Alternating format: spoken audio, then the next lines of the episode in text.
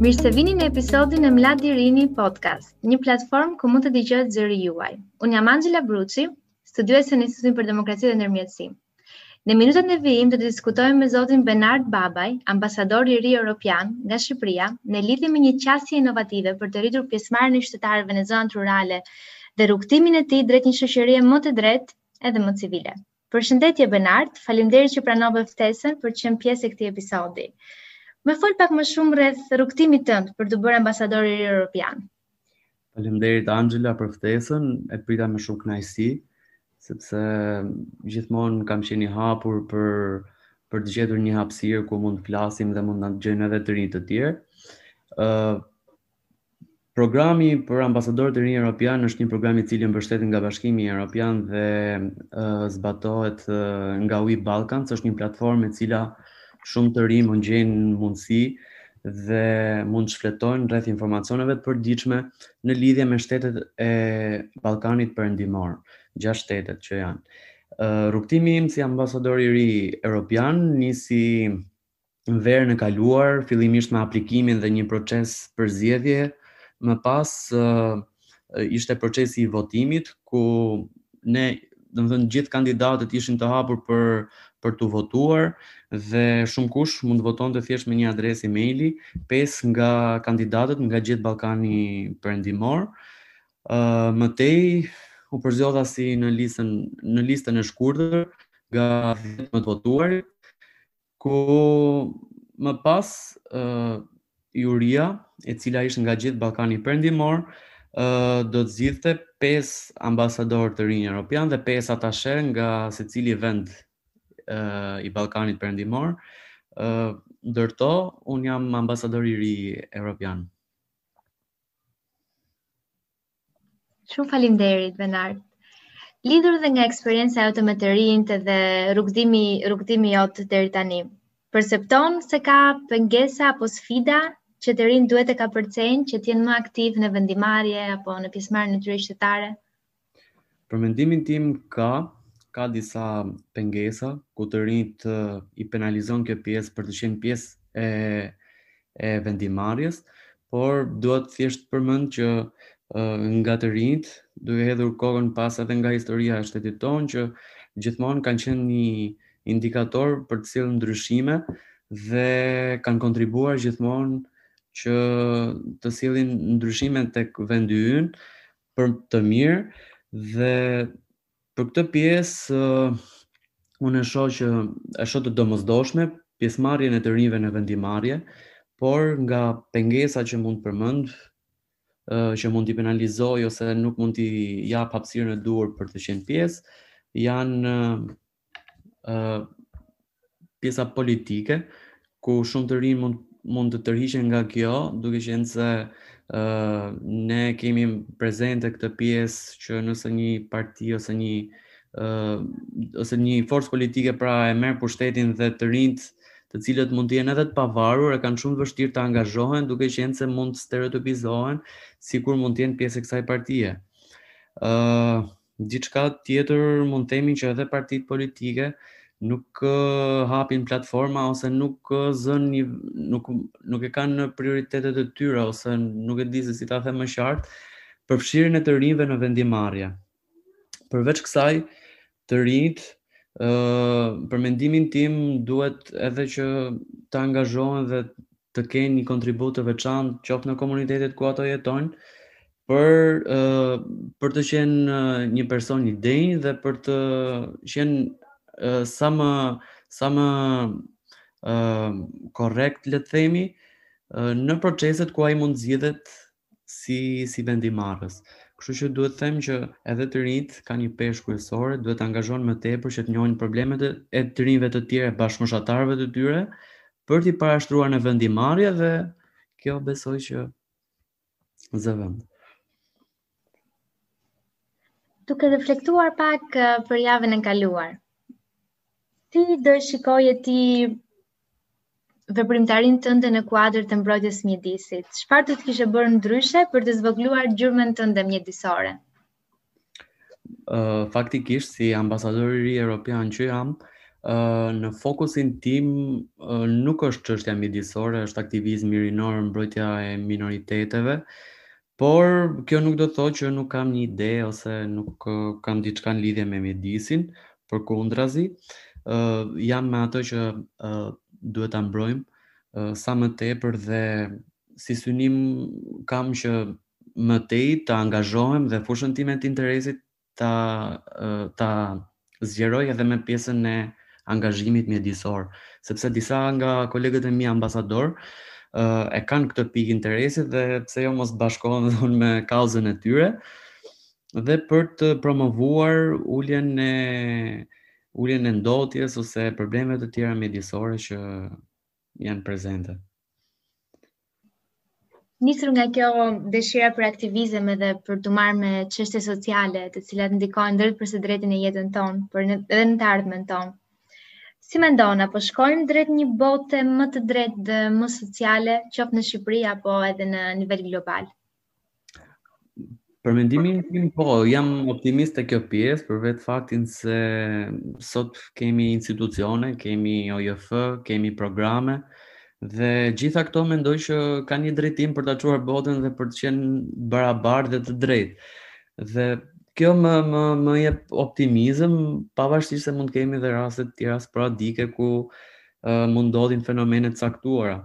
Por duke marrë parasysh që mund të marrim dhe barazinë gjinore ku nuk jemi shumë larg disa viteve ku gratë nuk ishin prezente qoftë në proceset vendimmarrëse, por i shihnim me skepticizëm ku ishin të pakta në numër, ndërsa sot ku ne në kohën në cilën jemi po jetojmë, po shohim gjithnjë më tepër që kjo kauzë po zgjerohet. Për më tej, edhe pjesa çështje e çështjes mjedisore, ë rregullat, ligjet, të cilat vendosen edhe për pjesën e ë menaxhimit të mjedisit ose ë dhunimit të kafshëve, vrasjeve të kafshëve dhe kjo është një kauzë e cila mund ta çojë botën përpara dhe mund të jetë edhe më e drejtë edhe më e barabartë, si dhe të rinjtë të cilët po gjejnë mjaft hapësira pa dallim statusi social me të cilët janë, kjo mendoj që po po i balancon gjërat.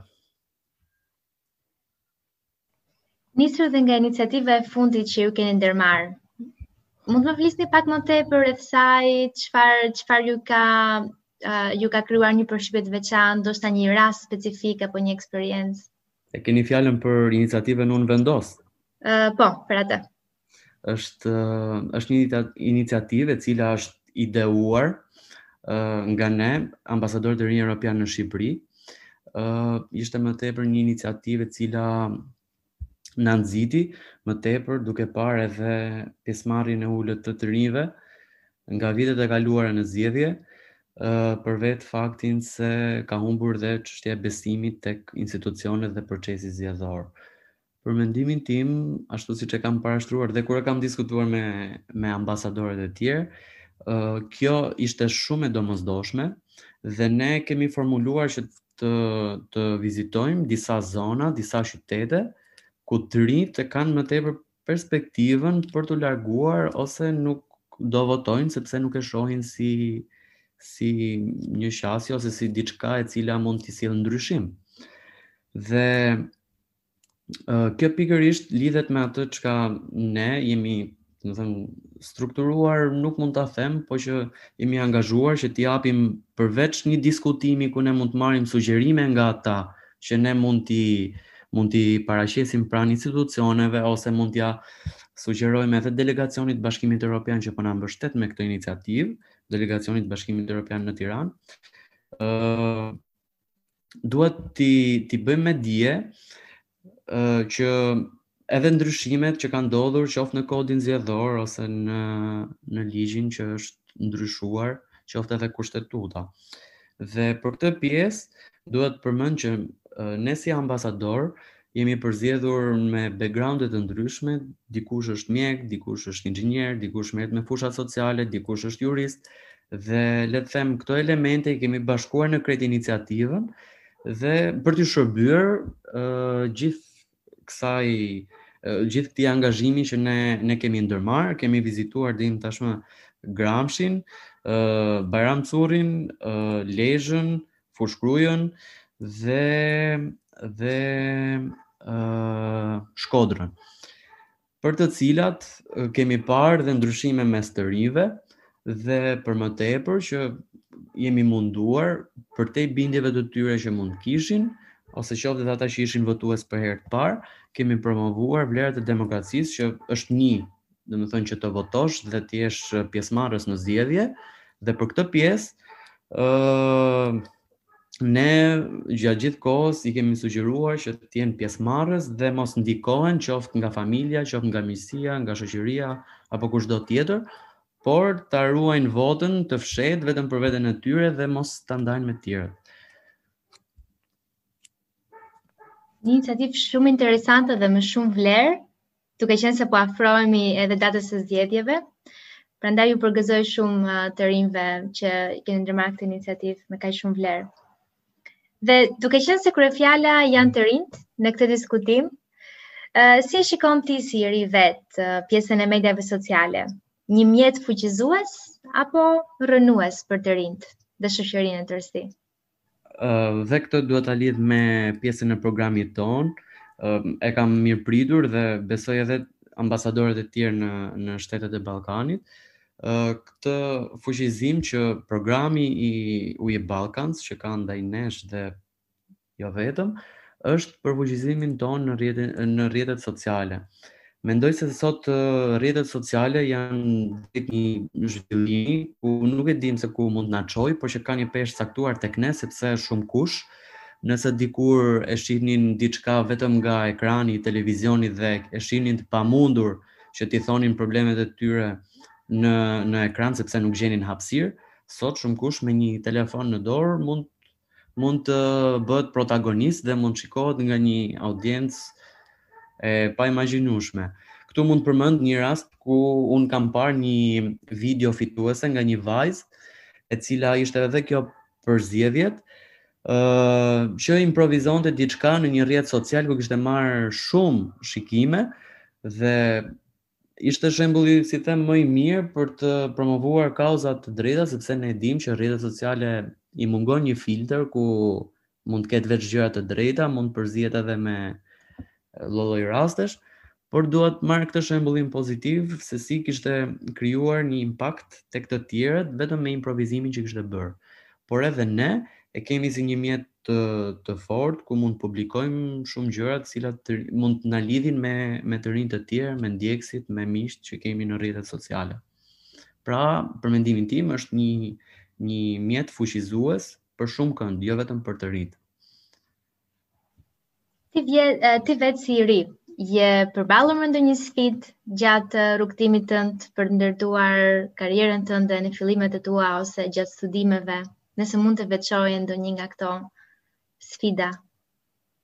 Sfida. nuk e nuk e nuk më kujtohen tashmë sepse se di duhet duhet ta kisha menduar faktikisht, por sfida sfidë për mua faktikisht është uh, pjesa e menaxhimit të kohës sepse uh, kam shumë dëshirë që të përfshihem dhe si thua të fus hundët në çdo program ku e gjej veten dhe shoh si një rast që mos ta mos ta humb. Qoftë edhe aplikimi që kam bërë si ambasador i të rinjve europian, qoftë edhe për punën ose për çdo lloj gjëje tjetër, Për mua sfidë është vetëm çështja e kohës dhe asgjë tjetër. Pastaj sfidat ne mund të hasim në punë çdo ditë, kurse në këtë rol që kam për momentin vetëm rreth 7 muaj ko kam që e kam marrë, rreth 7, domethënë në shtator 2020 dhe Për momentin nuk mund të kem hasur. Lidhur me Nuk faktikisht, po. nuk është problem. Ë uh, ju i përmendet disa prej tyre dhe është mjaft interesant sepse duket sikur të rinjtë aktivë përballen me këtë sfidë, sfidën e menaxhimit të kohës sepse duan të përfshihen në shumë iniciativa, por kjo është një gjë e mirë. Edhe nga sfidë kthehet në mundësi. Lidhur me duke qenë se po ndërtoni profesionin tuaj dhe jeni mjaft i suksesshëm, duke parë edhe uh, arritjet tuaja. Keni pasur ju ndonjëherë ndonjë mentor dhe nëse po, cila ka qenë këshilla më e mirë që keni marrë ndonjëherë nga dikush më i rritur se ju ose me më përvojë se ju, që do e mbani gjithmonë në kujtim? Shumë pyetje e lezetshme. Ëh, uh, Mentor po, kam pasur gjithë kohën edhe kam, sepse jam i ri, do s'do, nuk e kam dhe eksperiencën e duhur, pavarësisht se mund të jem angazhuar domethënë në moshë të re në komunitet.